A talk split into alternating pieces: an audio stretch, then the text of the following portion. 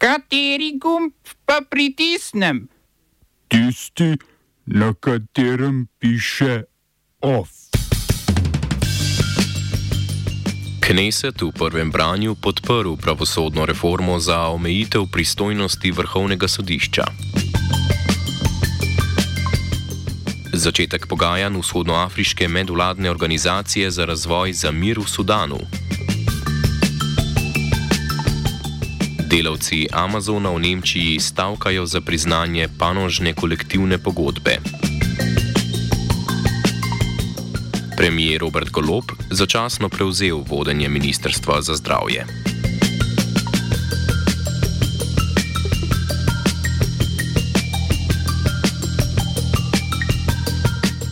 Lepo pozdravljeni. Izraelski parlament je po prvem branju 64 glasovi za in 56 proti podprl pravosodno reformo, ki omejuje pristojnosti vrhovnega sodišča.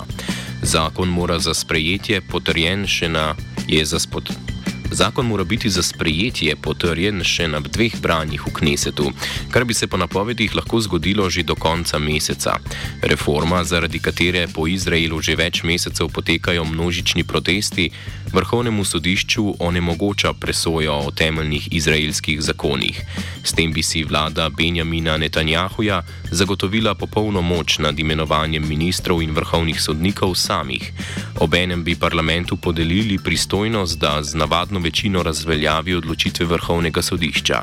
Vrhovno sodišče po novem visokim državnim funkcionarjem, ki imajo kazensko kartoteko, več ne more prepovedati izvajanja funkcije.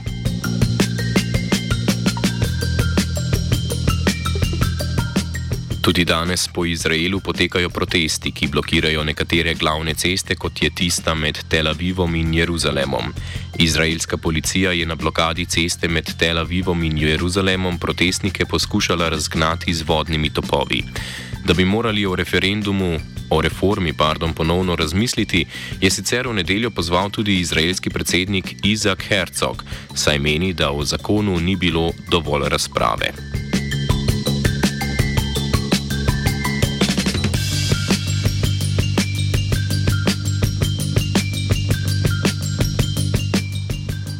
Medvladna organizacija za razvoj, znana pod kratico IGAT, je v etiopski prestolnici Addis Abebi z namenom začetka mirovnih pogovorov v Sudanu organizirala srečanje držav članic.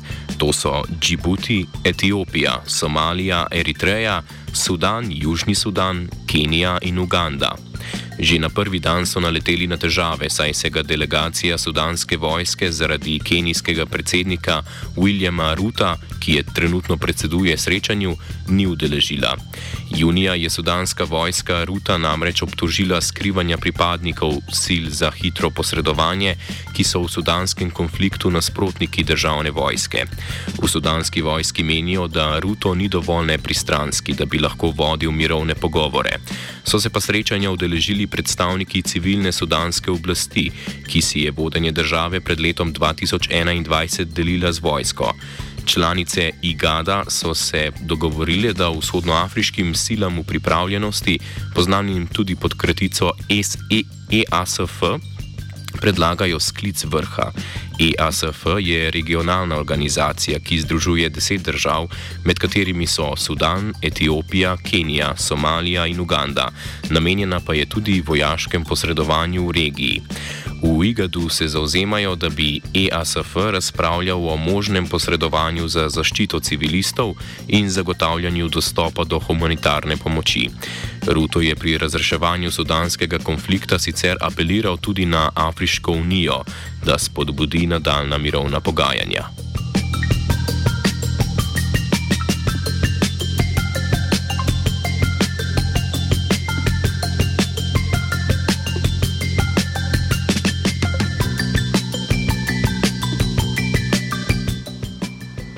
Predsednik Srednjeafriške republike Foste Arkoš Tuadera je organizatorjem referendumske kampanje v novi ustavi predložil njen osnutek. O novi ustavi bodo državljani na referendumu odločali 30. julija. Glavna sprememba glede na trenutno veljavno ustavo, ki je bila sprejeta leta 2016, je sprostitev omejitve mandata predsednika republike in sicer z dveh zaporednih petletnih mandatov na tri. Trenutno predsedniku Tuaderaju bi se mandat, ki je njegov drugi zaporedni, končal leta 2026, kar pomeni, da bi v primeru sprejetja nove ustave za položaj lahko kandidiral še enkrat.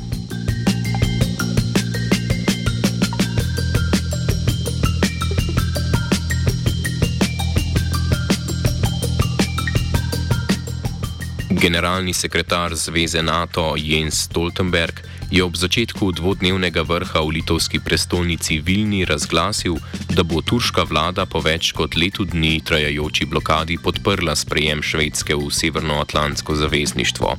To mu je zagotovil turški predsednik Recep Tayyip Erdogan, ki se je včeraj na temo švedskega članstva v NATO srečal s švedskim premijejem Ulfom Kristersonom.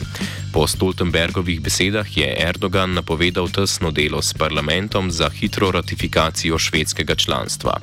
Turčija je pridružitev Švedske blokirala zaradi prvotne nepripravljenosti švedske vlade, da bi Turčiji izročila kurdske politične begunce. Novembra je na švedski parlament sprejela amandma ustave, ki je to vrstne izročitve vendarle dopustil.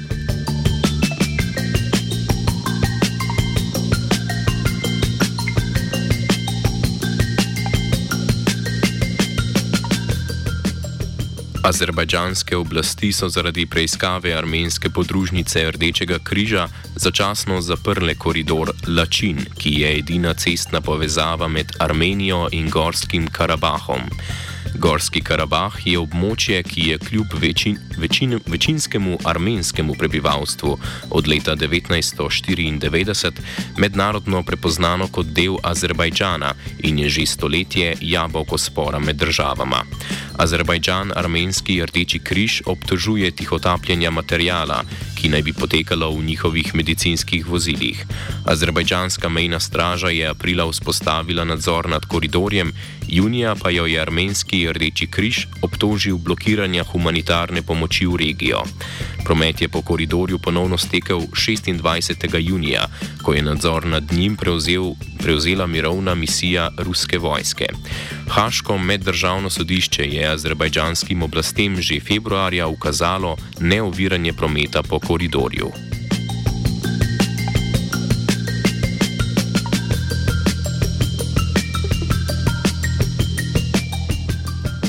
Zaposleni korporacije Amazon v Nemčiji stavkajo za potrditev panožne kolektivne pogodbe, česar vodstvo ne želi storiti. Stavka, ki jo je organiziral delavski sindikat Verdi, poteka v devetih distribucijskih centrih po celotni državi. Stavkajoči zahtevajo predvsem, da vodstvo po več letih pristane na podpis panožne kolektivne pogodbe za področje malo, malo prodaje in logistike, ki bi delavcem podelila več pravic. Po mnenju članov Verdija bi tako poskrbeli za boljšo zaščito delavcev pred samovoljnimi odločitvami vodstva. Po navedbah sindikata zaposleni v Amazonu trenutno zaslužijo več kot 100 evrov mesečno manj od zaposlenih v podjetjih s kolektivnimi pogodbami. V Amazonu so sicer napovedali, da bodo s septembrom minimalno urno postavko dvignili z 12 na 14 evrov.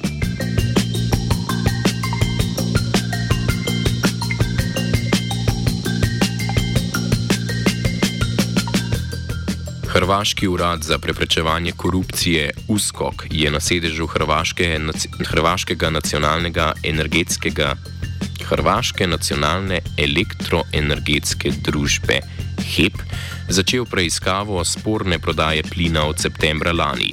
Preiskavo je USKOK uvedel po razkritju, ko je HEP presežke plina, ki jih je po vladni uredbi od INE kupoval po ceni 47 evrov za megavatno uro, naprej prodajal po ceni med 1 centom in 34 evri na megavatno uro.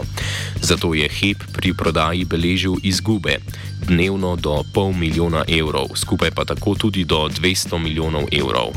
Vlada je uredbo, po kateri HEP-u ni več treba kupovati plina od Dine, spremenila minuli teden. Premijer Andrej Plenković trdi, da je bil o finančnih izgubah v HEP-u obveščen šele konec junija. Nasprotno pa so, kot trdijo v Hepu, vlado tako o presežkih kot o izgubah, zaradi njih obveščali že več mesecev. Smo se osamosvojili, nismo se pa osvobodili. Naslednje število je še 500 projektov. Izpiljene modele, kako so se strani nekdanje LDS rotirali. Ko to dvoje zmešamo v pravilno zmes, dobimo zgodbo o uspehu. Takemu političnemu razvoju se reče udar. Jaz to vem, da je nezakonito, ampak kaj nam pa ostane? Brutalni obračun s politično korupcijo. To je Slovenija, tukaj je naša zemlja, to je Slovenija, Slovenija, Slovenija. Petkovem odstopu Daniela Bešiča Loredana bo vodenje Ministrstva za zdravje začasno prevzel, prevzel premijer Robert Golop. Tako je postal četrti predsednik vlade, ki začasno vodi zdravstveni resor. Pred njim so bili v tej vlogi Alenka Bratušek, Marjan Šarec in Janez Janša. Državni zbor se bo z Loredanovo odstopno izjavo seznanil na četrtkovi izredni seji. Ni še jasno, ali, bo, ali se bo Loredan po odstopu vrnil v poslanske klopi. Je namreč nadomestni poslanec ministra za slovence v zamestvu in svetu Mateja Arčona, a funkcije zaradi ministrovanja ni nikoli nastopil.